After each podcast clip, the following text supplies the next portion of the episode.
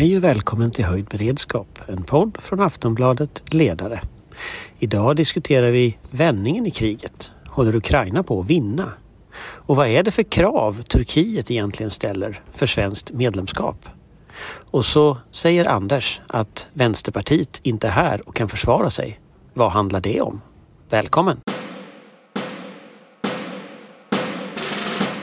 Vår beredskap är god.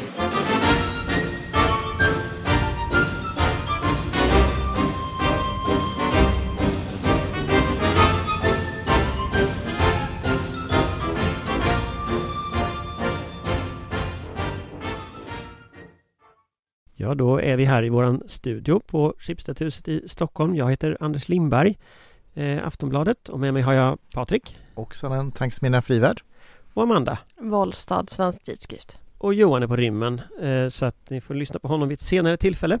Eh, vi, vi tänkte ja, börja med en rubrik som har kommit nu alldeles nyss när vi sitter här och det är att man har gjort en, en ny bedömning av kriget i Ukraina och så säger man kriget håller på att vända till Ukrainas fördel är utspelet som nu görs och en ny analys som börjar etableras. Vad handlar detta om Patrik?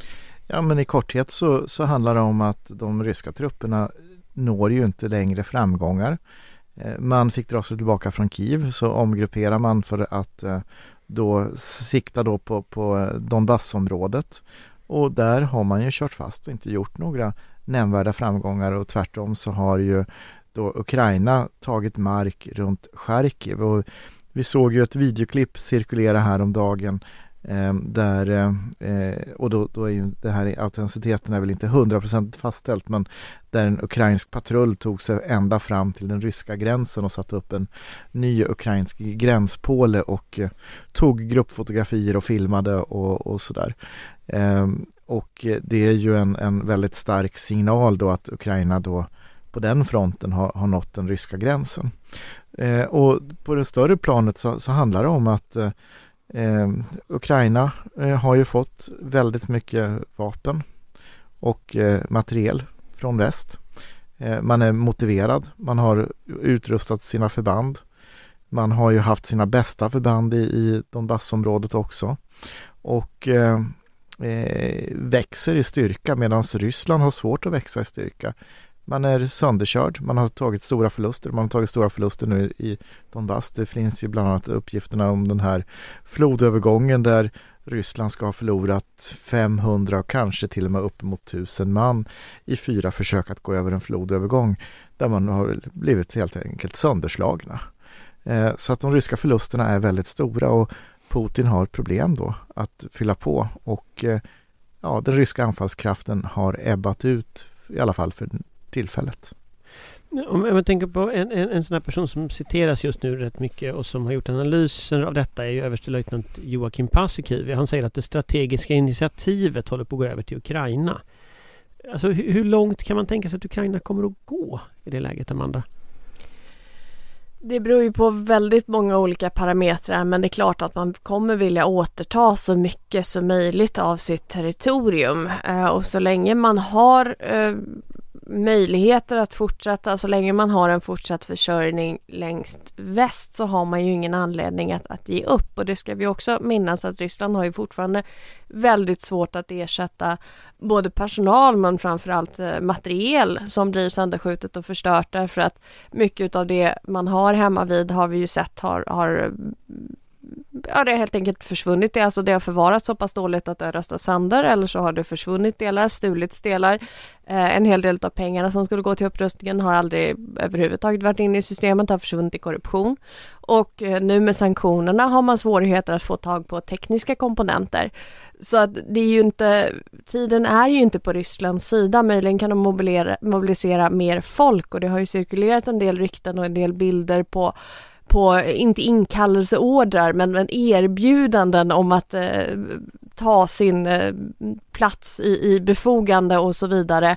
Eh, men man har inte kommit med några inkallelseorder, man har inte höjt beredskapen så att man, man faktiskt aktiverar de här lagstiftningarna. Frågan är väl om man vågar det och hur pass desperat man måste bli.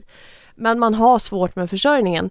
Medan Ukraina har goda vänner i väst som fortsätter bidra med, med materiel och man har också naturligtvis en otroligt motiverad befolkning. Så att så länge det går åt rätt håll så finns ju ingen anledning för Ukraina att stanna och i synnerhet inte med tanke på vad vi har sett av humanitära brott och krigsbrott i de ockuperade områdena. Det är man ju också väldigt, väldigt medveten om vad som händer med ukrainarna bakom ryssarnas linje. Vilket ju också naturligtvis är otroligt motiverande för att fortsätta ta tillbaka ockuperad mark. Och här vill jag understryka det som Kaja Kallas, Estlands statsminister, eh, har varit ute och påpekat nu nyligen också i debatten att eh, vi, vi, eh, vi, vi ska inte fokusera så mycket på, på Putin och Ryssland i, i det här i, i, för att få en fred utan titta mer på vad behöver Ukraina ha. Därför att om vi fokuserar, om, om det viktigaste är fred nu Eh, då blir det en farlig läge för framtiden. Det viktigaste nu måste vara att fokusera på att Ukraina kan vinna den här segern och driva bort eh, den ryska angriparen från sitt territorium. För här finns ju en slags ideologisk fråga liksom. Vad, vad går gränsen för detta? Alltså går gränsen vid den traditionella synen vi har i väst med att man ska respektera gränser, man ska respektera länders suveränitet. Då betyder ju det i förlängningen ta tillbaka Donbass, ta tillbaka Krim eh, och med våld kasta ut ryssarna från eh, i havet så att säga, eller i Svarta havet då, från Krim. Eh, eh, är det ett troligt scenario? Rent militärt, kan man lyckas med det? Och liksom är det politiskt sannolikt att det går så långt? Eller går vi tillbaka till där kriget så att säga började som maxläge? Vi är ju inne i en väldigt svår förutsägbar period och spekulera i Alltså det är så stora saker i rörelse eh, vilket gör att det är extremt svårt att ha en säker liksom, prognos. Men men som det verkar nu så, så ser det ut som att Ukraina skulle kunna ta tillbaka väldigt mycket av det man har förlorat sedan 24 februari. Eh, till en början. Um, och då är ju det, Mariupol är ju liksom är ju en, en, en väldigt viktig sån punkt om, om Ukraina skulle orka gå och, och skära av återigen då Krim från de övriga delarna i östra Ukraina. Um, det vore ju en, en strategisk eh, misslyckande för Putin av, av rang om Ukraina lyckas åstadkomma det. Sen är ju nästa steg då, kan man ta tillbaka allt territorium i östra Ukraina? Kan man orka ta tillbaka Krim? Eh, och hur reagerar då Ryssland som eh, har ju sin kärnvapendefinition som att eh, det är först när, när moderlandet är hotat på allvar. Och Ryssland har ju då gjort den här illegala annekteringen av Krim och man betraktar ju då Krim som, som en del av moderlandet. Eh, så att där, där finns ju då eh, ja, Vad är sannolikt? Alltså, om, för det här, det här är ju ytterst en politisk fråga. Det här är ju inte en militär fråga. Här, här, här kommer man ju så att säga fundera också över den politiska gränsen. Väst, skulle väst acceptera ett försök att ta tillbaka Krim till exempel? Om man lyssnar på, på, på Kallas så, så låter det ju så. Ja, det är ju... Och det är säkert de baltiska staterna har väl säkert den uppfattningen också. Eh, det, om man försvarar den europeiska säkerhetsordningen, gränsernas okränkbarhet och, och tycker att det är liksom det vi slåss och försvarar här. Eh, då faller det som en logisk följd att man står bakom att Ukraina har rätt att ta tillbaka Krim med vapenmakt som är ockuperat område av Ryssland. Eh, sen är det ju en annan diskussion då vad händer med kärnvapenhot och, och det balansspelet. Om man tänker att det, det blir som kalla kriget då var det ju så att i kalla kriget så stod ju stilleståndslinjerna väldigt ofta där arméerna stod. Eh, i, I Nord och Sydkorea till exempel, i Östtyskland, Västtyskland eh, och, och eh, i Berlin. Eh, där Berlinmuren till slut blev symbolen för där stod arméerna så att säga. Där var del, den delning som gjordes blev på något sätt den permanenta delningen. Jag vill minnas att i en tidigare podd här så hade vi Robert Dalsjö som pratade just om en sån framtida lösning. Eh, Oklart var linjerna går men, men om man liksom ser framtiden, kommer liksom det nya kalla krigets gräns att gå mellan eh, liksom vid Krim? Vid halvön? Är det där den nya Berlinmuren går när vi ska ha ett kallt krig i 70 år till liksom? Är det där liksom gränsen hamnar? Det är otroligt svårt att säga om det beror ju mycket på vad som händer med och i Ryssland. Um, Sen ska vi komma ihåg att det inte bara är Krim. Krim är väl kanske den stora knäckfrågan och det som blir svårast och, och får tas sist. Men vi har ju även Donetsk och Luhansk, de så kallade folkrepublikerna som ju nu har ju Krim ingen legal status heller förutom i Rysslands ögon. Men där är väl statusen ännu mer tydlig att det helt enkelt är ockuperad mark och lite oklart vem som har ockuperat den dessutom. Eller det är ju fullständigt självklart om man ser på vad som faktiskt händer. Men, men ryssarna har ju fortfarande inte tagit helt eh, Krim har man ju annekterat. Eh, Donetsk och Luhansk stödjer man de lokala rebellerna påstår man.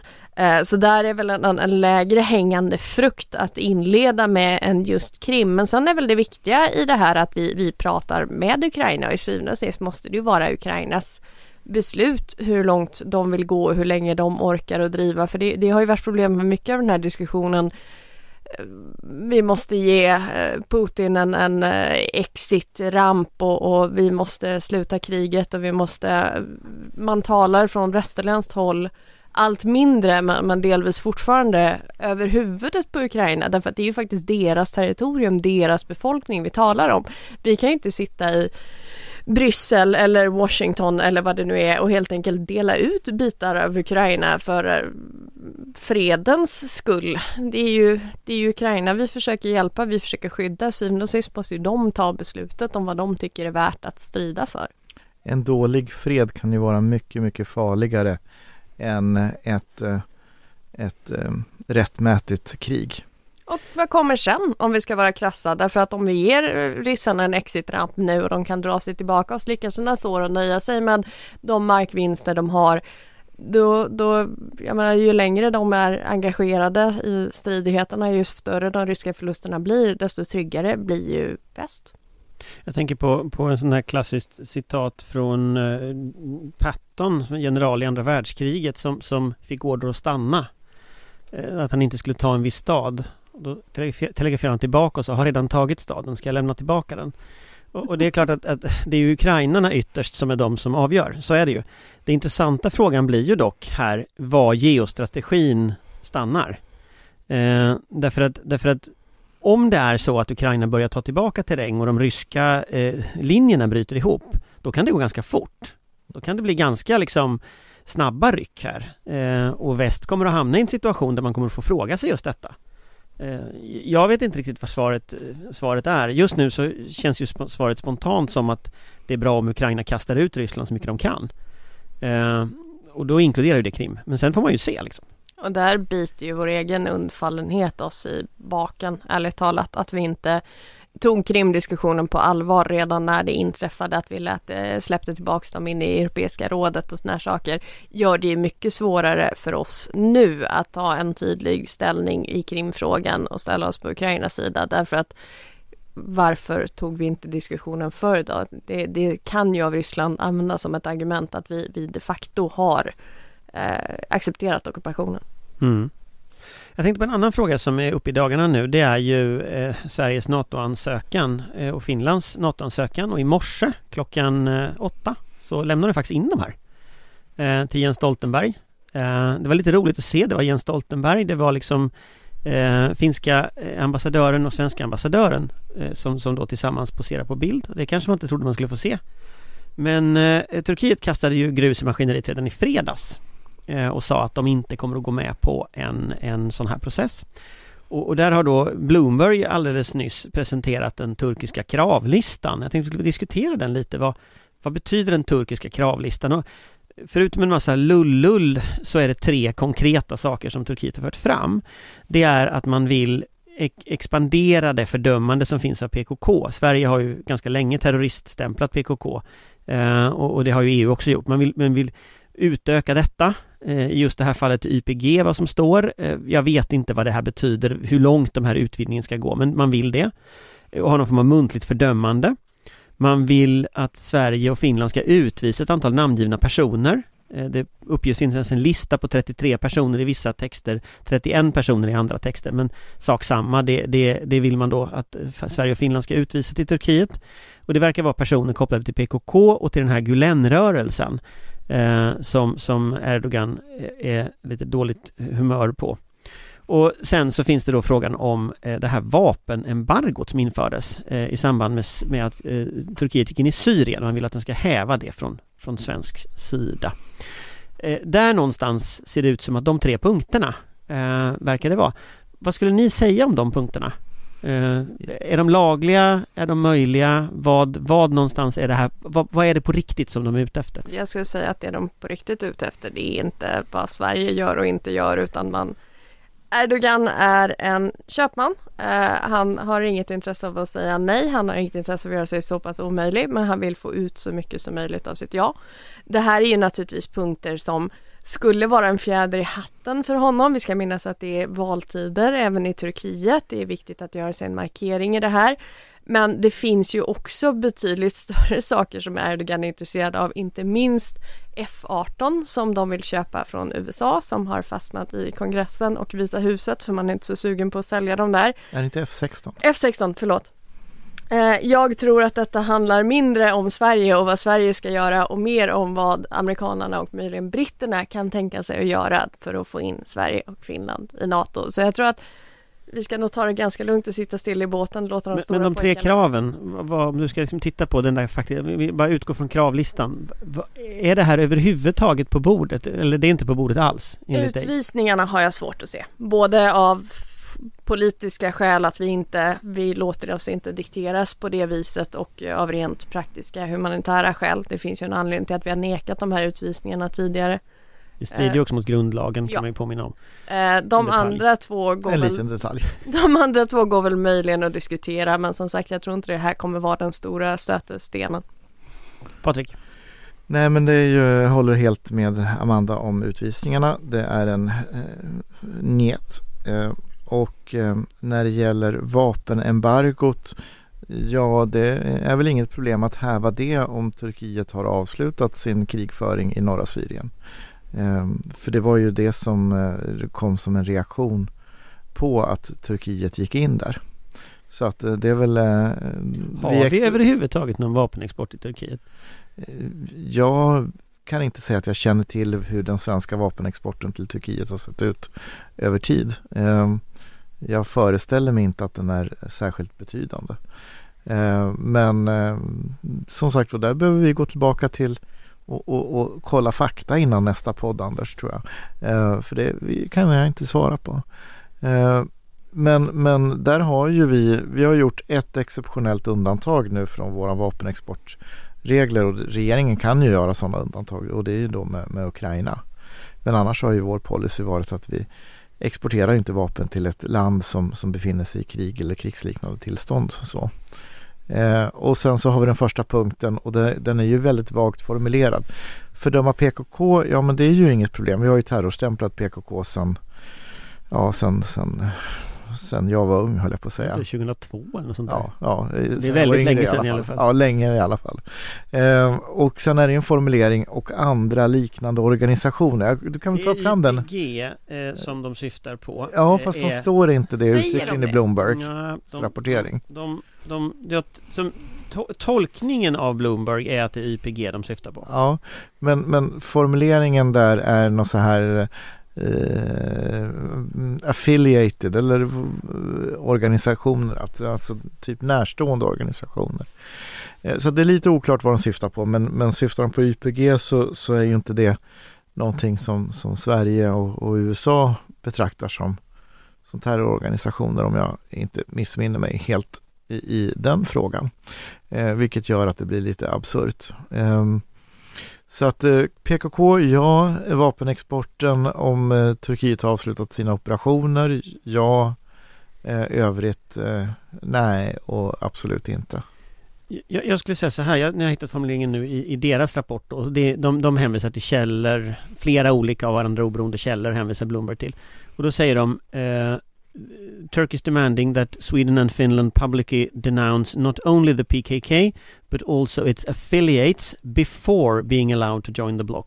Och jag antar att before being allowed betyder innan man ens inleder förhandlingar eh, i någon slags seriös mening, vilket alltså innebär att tills man har sagt det här så kommer man inte att acceptera att man inleder förhandlingarna överhuvudtaget. Och just nu om jag förstått annan rapportering rätt så är de uppskjutna till på måndag, den här frågan om förhandlingarna. Eh, vad affiliates betyder är tolkningen i svensk media YPG. Men jag kan inte säga att det betyder det och, och tittar man på Turkiets tidigare hållning så har det varit ganska flexibelt. Eh, tittar man på PKK så är det ju en terroristorganisation, det, det vet vi sedan tidigare, det är inget problem att fördöma den. Men det andra är jag mer tveksam till, eh, att det överhuvudtaget är relevant. Därför att antagligen så är det här politiska utspel från Turkiets sida som syftar till att kunna angripa grupper av olika slag. Och det gör också att Sverige inte kommer att kunna göra detta eh, rakt upp och ner. Eh, så jag föreställer mig att det, det, måste vara en diskussion om vilka grupper de hänvisar till specifikt. Så att det blir liksom, vad beror det på? Tittar vi på utvisningarna så skulle jag säga att det är domstolar i Sverige som kommer att avgöra den typen av saker och det är liksom ingen fråga. Det där bestämmer inte regeringen. Eh, även om regeringen naturligtvis har ganska stora maktbefogenheter så kommer domstolar att blockera alla sådana här saker. Det kommer inte att hända. Jag tror inte regeringen heller vill, så att, eller det vet jag att de inte vill eh, så eftersom regeringen inte har gjort det här i alla år. Så, så att det är liksom en icke-fråga. Jag tror att de tar upp den här typen av saker för att riva upp svensk debatt, liksom, för att jävlas om man ska uttrycka sig så. De vet att det här inte kommer att hända. De tycker det är liksom, det är ett sätt att ge sig på Sverige från Turkiets sida. Tittar man sen på vapenexporten jag vet inte, liksom vad som, jag är väldigt tveksam till att Sverige har någon vidare vapenexport överhuvudtaget. Och det kanske är så att man bara ska helt enkelt övergå till den reguljära vapenexportlagstiftningen när det gäller Turkiet. Och då kommer man ändå inte kunna exportera. För det är beslut från fall till fall i den lagstiftningen, så några vapen kommer vi inte att, att skicka. Eh, för de är i krig. Eh, så det kommer inte att bli liksom. Så, att, så att det är möjligt att det där är liksom en juridisk grej som går att ta sig ur på det sättet. Jag gissar ju precis som Amanda säger att kärnfrågan är dels det här bråket man hade om, eh, om eh, F16 och som ju rimligen måste gå att lösa från amerikansk sida, det kan inte vi något åt. Eh, men sen handlar det ju säkert om, om andra frågor som kan komma upp på bordet efterhand. Jag tänker att om man löser ut en fråga, då kommer Cypernfrågan att komma upp på bordet, eller så kommer någon annan fråga komma upp på bordet. För Turkiet kommer liksom att spela det här spelet ända tills ratificeringen. Så jag tror inte vi ska räkna heller med att om man nu sätter igång förhandlingarna, att det är klart med det. Utan de kan hitta på nya frågor som kan dyka upp längs resans gång. Och då ska vi komma ihåg att eh, Erdogan skickade ju helt andra signaler i april i samtal med president Niinistö. Då var det ju inget problem, då var han positiv. Så att eh, han har väl gjort en kalkyl nu eh, och ser att det här spelet kan jag spela för att flytta fram positionerna. Problemet för Erdogan blir ju då att undvika att spela över sin hand. Eh, för då kan det bli farligt både för Turkiet och för många andra. Sen finns det ju ett intresse att odla den här konflikten från en tredje part. Eh, och tittar vi på vad som händer i informationsarenan så ser vi ju de tre senaste dagarna en enorm mängd artiklar eh, som då pumpas ut i det ryska desinformationsekosystemet. Eh, väldigt hög aktivitet att beskriva den här konflikten och vad Turkiet gör i TASS, Sputnik, RT. Eh, fått enormt stort genomslag. Eh, så att eh, vi ser liksom att den här frågan som, som också då ligger i, i Rysslands intresse att exploatera och eh, sen sätter ju liksom debatten fart och lever sitt eget liv. Amanda? Men det här är ju vad Erdogan gör. Det har vi ju sett tidigare. Det här är ju precis som flyktingströmmarna när han hotade att släppa på för EU. Det handlar ju mest om vad han kan få ut och vilka situationer han kan utnyttja. Har Turkiet någonting väst vill åt eller behöver väst någonting av Turkiet, då får vi betala för det. Det är hans grundläggande mentalitet. Men vi ska ju också minnas, som Patrik sa, han har uttryckt sig positivt tidigare och det här är ju ingenting som även om förfarandet i Sverige och Finland har gått fort så är ju inte det här någonting vi kom på förra veckan. Det har ju naturligtvis pågått djupa förhandlingar med eh, olika medlemsländer, amerikanerna och britterna har varit involverade, åkt runt, eh, kollat hur läget ligger och så vidare. Hade man inte varit tämligen säker på att det här kommer gå vägen så hade ju inte Sverige, Finland fortsatt i den hastigheten med en ansökan. Eh, Norge, Danmark, USA, Storbritannien, Frankrike hade inte uppmuntrat en sån ansökan. Man har ju naturligtvis kollat hur landet ligger innan vi kom till den här punkten. Så jag tror att man kan vara relativt övertygad om att eh, man ser goda möjligheter för att det här ska lösa sig. Jag tror att Sverige ska ta det ganska lugnt och eh, låta de stora spelarna lösa det här åt oss, för det, det handlar inte om oss. Magdalena Andersson och eh, eh, president Niinistö, de åkte ju härifrån eh, eh då Stockholm eh, till, till USA. Eh, de har inte lämnat Stockholm än ska jag säga. Men, men imorgon så ska de ju träffa Biden i Vita huset. Så att det är ju en, en, ett tecken på vilken nivå på dialog vi har just nu i de här frågorna. Och det är klart att ett NATO som står upp eh, eh, där alla utom Turkiet vill det här. Det blir ju en väldigt stor tryck på Turkiet. Och det är här jag menar att det finns en balanspunkt eh, eh där, där eh, Erdogan eh, får passa sig så att han inte spelar över sin hand. Men, men där tänker jag på en annan sak som du sa när du säger det här med informationsarenan. Eh, därför det är också så att i Sverige så har ju informationsarenan exploderat de senaste dagarna eh, utifrån de kraven Erdogan ställer. Och det är också väldigt intressant att se hur de här liksom, aktörerna agerar. En sån aktör till exempel som, som ju är väldigt eh, liksom, hårdhänt är ju det här nystartade partiet Nyans. Ni vet det här eh, liksom, identitetspolitiska, lite identitetspolitiska partiet som finns inte på så många ställen men, men liksom ändå dyker upp här och var de har i en ganska aggressiv retorik gett sig på just kurderna i Sverige. Alltså ungefär den retorik som Turkiet använder. Men också, inte bara det, utan också lagt ut bilder av enskilda riksdagsledamöter eh, och, och liksom agerat väldigt hårt mot enskilda. Eh, och det där är lite intressant därför att det där är ju liksom en, en informationsmiljö som, som var ju den samma informationsmiljön som, som fanns när det var den här kampanjen mot LVU, om ni kommer ihåg den. Eh, den kampanjen eh, var ju också det här partiet Nyans väldigt aktiva i. Och här ser vi den typen av aktivitet igen. Eh, fast då är det så att säga den, den turkiska sidan här. Men och det som jag reagerar mot när jag ser den här typen av bildspråk och språkbruk det är just att man ger sig på enskilda riksdagsledamöter. Eh, därför det där är en intressant grej i så att säga modern informationshantering av olika slag, att man eh, eh, laborerar på det sättet. Och man ser också i så att säga, sociala medier hur, hur eh, Erdogans uttalanden får enormt stora konsekvenser. Som det här liksom, han gav sig på Amineh Kakabaveh till exempel. Eh, i, i, princip personligen liksom. Han pekade ut där. Vad händer då i den svenska informationsarenan? Ja, det blir en väldig massa snack om Amineh Kakabaveh från högerextremister.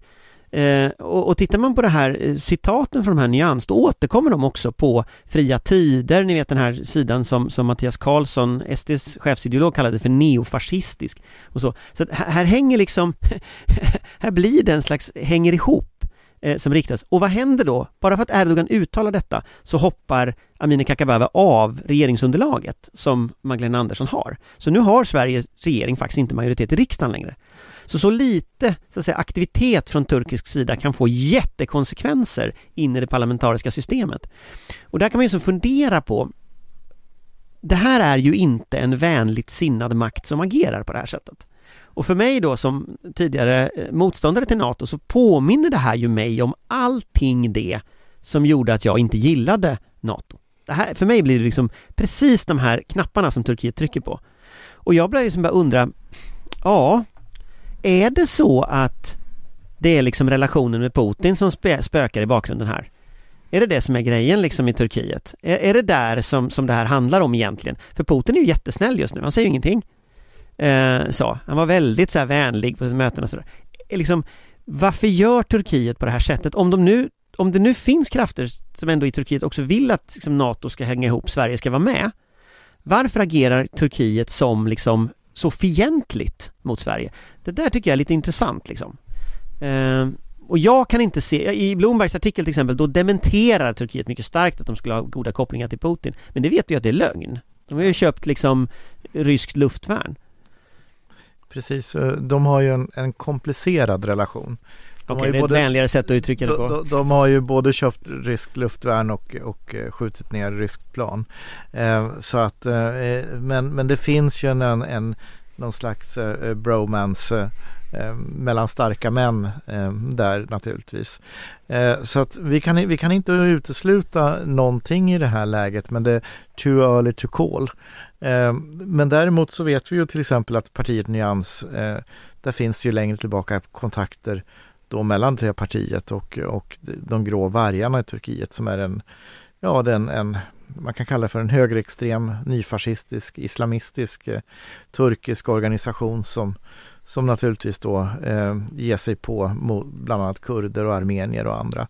Eh, så att eh, den, den liksom avtrycket på vad Nyans gör mot kurderna, det ser vi ju liksom också in mot, mot Turkiet och den, den kontaktyta som, som finns där. Eh, sen är det ju också intressant att titta på samspelet hur Nyans och Erdogan å ena sidan ehm, eh, lyckas, eh, jag ska inte säga samspela för det, det, blir fel ord, men, men hur man, hur man lyckas eh, eh, bygga upp en, en, en, väldigt intressant dualitet med Vänsterpartiet i de här frågorna. Som, som, då blir de liksom två stycken som står och slår på varandra och eh, eh, båda har intressen nu att underminera Sveriges NATO-medlemskap och så använder de varandra för att uppnå sina syften. Jag skulle nog inte Vänsterpartiet inte här och kan försvara sig, jag på säga, men de skulle nog inte bli så glada om du sa det. Nej, nej, då har jag inte sagt det då. Så, så, så, så glömmer vi att jag kanske har tänkt det då. Så, så, så där ser vi ju apropå informationsmiljö och så vidare en, en ganska häpnadsväckande retorik dock från ett riksdagsparti som visserligen är emot men de här upprepade kommentaren och inspelen om, om atomvapen kring dagis och att eh, svenska unga män och kvinnor ska skickas och dödas kurder i Turkiet. Och det är ju en, en ganska hårt uppskruvad retorik från ett etablerat eh, riksdagsparti kan man tycka.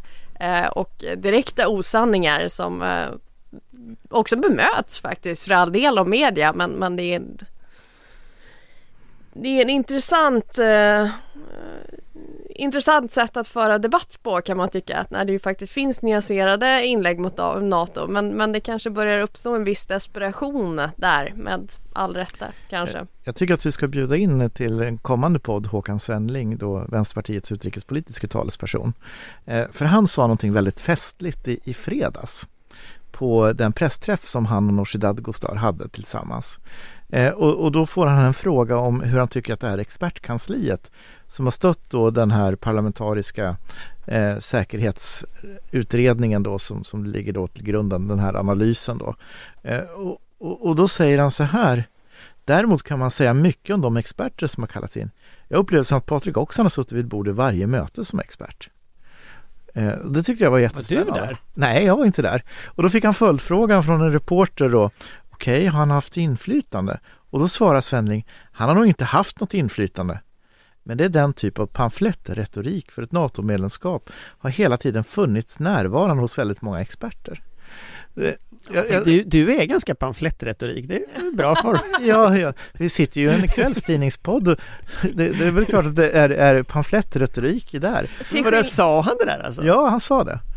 Så, så det vore väl kul att reda ut. Till skillnad från eh, Nooshi Dadgostars atomvapen utanför sin dotters förskola då som ju är höjden av balanserad eh, retorik. Ja precis, det var ju också väldigt balanserat. Ja men jag ser fram emot eh, det här nya vallöftet från från Socialdemokraterna i höstens val att nu bygger vi ut förskolan i Sverige med ett kärnvapensilo i varje. Kan vi inte samarbeta eller bygga ihop det här med sådana här minireaktorer så löser vi både elkrisen och försvaret och barn... Ja, du menar att vi, energikrisen löses genom att vi tillverkar plutonium för kärnvapen samtidigt? Ja. Jag har en annan idé och det är att energikrisen kan lösas genom att man kopplar in Twitter till kraftnätet så kommer man att lösa det i de här frågorna. För jag hade, yt, men eh, ja, vi fortsätter den här diskussionen sen. Men jag tänker på att det, det liksom, eh, bara för att, min reflektion över detta, det är naturligtvis att, att den här debatten vinner kanske inte fullständigt på liksom den här typen av hittepå-argument som nu snurrar. Men jag tänker också, men jag tänker också på att vi kommer nog inför en valrörelse rätt mycket prägla detta. Alltså vi ska inte glömma att det är nästa riksdag som väljs den 11 september som är den riksdag som ska hantera själva medlemskapet. Eh, det lär ju inte vara klart till 11 september. Och det betyder ju att det är, vi har en valkampanj framför oss med retorik om kärnvapen på dagis och, och, och sådana saker. Så vi kommer nog att få se den här typen av liksom meningsutbyten eller vad man kallar det, öppenhjärtliga meningsutbyten då i frågan. Eh, det lär vi nog se. Det var någon partiledardebatt på P1 var det igår, jag rör ihop de olika debatterna Där folk ju var jättearga på varandra Ja, var det, inte det, var, P1. det, det var P1, Ja, det var, det var P1 och, och, och det var, var Lyssnade han inte med i den? Nej, Därför att för den var efteråt. tiden tog slut. Ja. men, men där ska ju då eh, utrikesminister Ann Linde och Nooshi Dadgostar rykt ihop eh, så att stickor och strån for och- åt höger och vänster eh, när, när, när man gick över till nyheterna. Så att, eh, Men där har jag en bakläxa till radion, alltså sånt måste ju spelas in och sändas ja. Alltså det är ju, Ja, det är ju jättekonstigt det att det inte ligger som extra material. Ja, på- det borde ju ligga liksom någonstans. Om de nu står och bråkar i en radiostudio med alla mikrofoner på liksom, det får de väl skylla sig själva då. Det man ska ju spela in och sända det liksom. Mer kvällstidningstänk i public service. Ja, jag vill Mer pamfletter. Mer pamfletter. eh, Okej, men du, du, du och dina pamfletter ska nu få övergå till nästa fråga tänkte jag. Och det var lite om framtiden. Eh, vi sitter ju i en situation nu eh, där, där eh, vi har den här debatten vi har. NATO-medlemskapet är, eh, eller ansökan är inlämnad. Eh, Vänsterpartiet kommer inte att lyckas stoppa den. De får helt enkelt göra som alla andra, gå till val på sina frågor och så får de väl vinna valet då och stoppa dem den vägen. Men om vi antar att de inte lyckas med detta så kommer ändå Sveriges ansökan att ligga där. Vad kommer att hända med den då? Uh, nu sitter vi med Turkiet har börjat bråka Kroatien har börjat bråka lite grann fast det verkar ju vara presidenten som bråkar och han verkar inte bestämma det här. Men när kan vi vara medlemmar? Ja, alltså det är ju när, när um, hur långt är ett snöre? Är ju egentligen svaret på den frågan. Och nu blev det ju ett pamflettsvar. Men, men um, det är ju Snöret inte heller kan försvara sig. Nej, snöret kan inte försvara sig men å andra sidan vet ingen hur långt snöret är och vad det är för färg på snöret. Men, Nej, men efter från det, årsskiftet, men- innan årsskiftet Ja, alltså innan så har man spekulerat i att det kunde ta kanske Ja, allra kortaste tidsrymd jag har hört är tre månader men vanligtvis har man pratat om tidsspannet fyra till tolv månader. Eh, och eh, eh, det är ju då fyra månader, då, då pratar vi om, om ja då är det ju efter valet i, i oktober då. Valet i september Ja, så att då, då är det ju liksom kort efter det. Sen är det ju som så att vi vet ju inte vad, vad, vad Erdogan håller på med och hur snabbt han blir nöjd. Och vi vet inte vad, exakt vad det är för, för behandling eh, Eh, som, som behövs för att få, få det här att gå i mål. Om det är en armbrytning och eh, tre sockerbitar eller om det bara är socker som funkar eller, eller om det bara är, är eh, någonting annat. Och det gör att det gör oerhört svårt att spekulera i hur lång tid tar det här. Men det som är viktigt att komma ihåg för de som lyssnar här är ju att det finns ett oerhört starkt engagemang hos alla andra att Sverige och Finland ska gå med. Och här har ju då land efter land efter land uttryckt solidaritet och eh, olika typer av, av försäkringar om att stötta och säkra Sverige och Finland eh, under väntetiden. Och det är det viktiga. Eh, vi är liksom eh, Turkiet kan, kan hålla på och gidra under ett bra tag men, men vi är liksom hemma i famnen. Även om vi, vi liksom inte är, är helt omsluten och omfamnad helt så är vi i famnen och, och det, är det, det är det viktigaste just nu. Amanda? Nej men det är ju inte så mycket mer att säga om det. det. Det finns ju ett intresse för att det ska gå fort även hos de flesta andra eh, NATO-länder därför att eh, vi, vi har ju också bidrag både geografiskt och militärt till NATO och eh, det kommer ju bli lättare och säkrare för alla den dag vi är fullt ut medlemmar. Eh, våra kapaciteter kan tas i, med i planeringen fullt ut. Eh, vi har ju haft sett otroligt fina, som Patrik säger, solidaritetsyttringar och, och löften om att hjälpa till och försvara och sånt. Och det är också naturligtvis någonting man vill vara bunden av så kort tid som möjligt. Eh, det, det är ju en viss osäkerhet under ansökningsperioden som alla vill få överstökad så snart som möjligt. Eh, därför att man vill inte ligga ute med, med resurser längre än nödvändigt heller. Så att, eh, men hur lång tid det tar det är, det är jättesvårt att säga. Men det ska bli väldigt intressant att se vad det här stödet utmynnar i praktiken. Jag misstänker att vi kommer få se mycket intressanta eh, flottbesök och eh, samövningar och annat de närmsta månaderna. Så möparna lär ju vara nöjda. Det amerikanska fartyget nu kom, fick inte plats i hamnen om jag förstod det rätt. Det var för stort. Så att det blir mycket möp sightseeing Mm. tror jag. Där ute. Mm, säger Amanda lyckligt. Jag gillar stora. Men jag tror Men om jag säger sex månader eller om jag säger ett år, vilket är mest sannolikt tror ni? Inte vad ni hör. Snarare det första än det senare skulle jag tro. Ja, det, å andra sidan så kan vi heller inte utesluta att det kan ta väldigt lång tid. Men Eh, på dig lät det som att det spelar ingen roll för vi har ändå säkerhetsgarantier eh, Spelar roll, spelar roll gör ju för att världen, världen kan ju bli osäkrare och farligare och sådär. Men, men, men det jag vill, vill skicka som en signal till den som lyssnar är ändå ett lugn och en tillförsikt.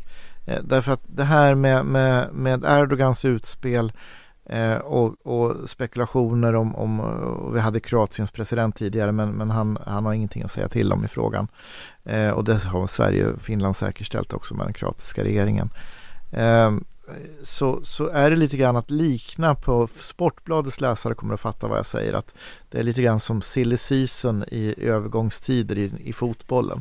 Det kommer mycket rykten, allting behöver liksom inte vara sant eller relevant utan en del i, i, i ett eh, marknadsspel helt enkelt som man kanske vill sprida rykten om en övergång till klubben X för att eh, få upp priset hos klubben Y. Eh, så att eh, ha lite kyla i silly season-tider. Och minns att vi inte är ensamma i detta. Vi har goda vänner som har lovat att hjälpa oss igenom det här men vi har också goda vänner och stora spelare inom NATO som har allt intresse av att vi ska gå med. Det är ju inte vi som kommer behöva förhandla det här till slut. Det är i en mening inte oss det handlar om. Så att eh, jag tror vi ska sitta still i båten, ta det lite lugnt och Och vi sitter tillsammans med Finland och vi känner varandra väldigt väl och vi kan hantera rätt mycket stormar ihop. Men det tänker jag också är ett ganska viktigt meddelande till de som nu är måltavlor för den här eh, turkiska eller turkiska stödtruppers kampanj i Sverige som ju är som kurderna i Sverige och det är liksom enskilda riksdagsledamöter som ju ofta har kurdisk bakgrund eller så. Att Turkiet kommer inte att lyckas med detta för Sverige kommer inte att tillåta det. Eh, Så det, det, det, det är också på ett sätt så att Erdogan faktiskt bluffar. Han är inte så stark som han ser ut. Och det finns liksom ingen anledning att blåsa upp honom så att han ser så stark som han ut. Som han vill. Eh, utan han är en, en, en aktör i detta. Men, men det är liksom en aktör av väldigt många. Och han kommer inte att vinna detta. Eh, och jag förstår att i den, den gruppen så finns det många som inte har stort förtroende för svenska institutioner. Men Sverige kommer inte att acceptera eh, den turkiska utpressningen. Eh, helt enkelt därför att Sverige inte vill. Eh, sen är det också så när det gäller utvisningar av folk och sånt. Det, det är inte tillåtet. Det kommer inte att hända. Eh, så. Eh, och det är också ett viktigt budskap för man kan lite få intrycket av debatten just nu att, att Sverige skulle acceptera Erdogans retorik och så. Eh, och det kommer man inte att göra när det gäller de delarna. Nej, och då ska vi komma ihåg att det finns de som av andra skäl vill få den bilden att sätta sig att Sverige kommer att acceptera Erdogans retorik därför att man är motståndare till, till det svenska NATO-medlemskapet. Som, så att där har du den där eh, dynamiken som uppstår i debatten. Turkiet har ju använts som boogeyman av NATO-motståndarna i många år till, till eh, del med, goda skäl. med, med, med viss rätta men också något eh, urblåst ur proportioner med tanke på att eh, NATO ju inte är någon överstatlig organisation som kan beordra oss och skicka trupper vart eh, de vill eller sådär. Eh, så att det, det här är ju inte heller ny retorik och vi ska inte spela, spela dem i händerna. Nej, men för mig är det så. För mig på, gör det här att jag blir påmind om eh, precis de knapparna som jag ogillar med, med NATO, nämligen att Turkiet beter sig som Turkiet gör. Och då, beter, och då beter sig Turkiet som Turkiet gör fredagen den 13, precis när den svenska analysen är färdig, bara för att orsaka maximal skada på Sverige. Och då får jag liksom alla mina fördomar om hur Turkiet agerar, smack, slår in liksom.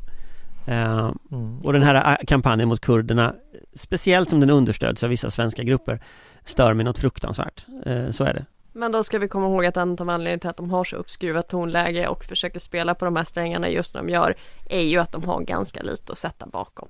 Ja, nej men så är det. Tomma tunnor skramlar mest. Precis. Tom Erdogan skramlar mest. Med de orden så... Eh, De pamflettorden, de, pamflett, de pamflettorden, men det är en kvällstidning, du sa ju det själv. Med de pamflettorden så, så eh, tackar vi för oss. Och nu kommer det bli lite mera så här, eh, eh, nu närmar vi oss sommar, vi kommer köra några avsnitt till, men sen så kommer vi att närma oss sommaren. Så se till att lyssna noggrant varje gång vi sänder ett avsnitt, för snart är det paus. Tack för oss, hej hej! Tack och hej! Tack, hej! Vår beredskap är god.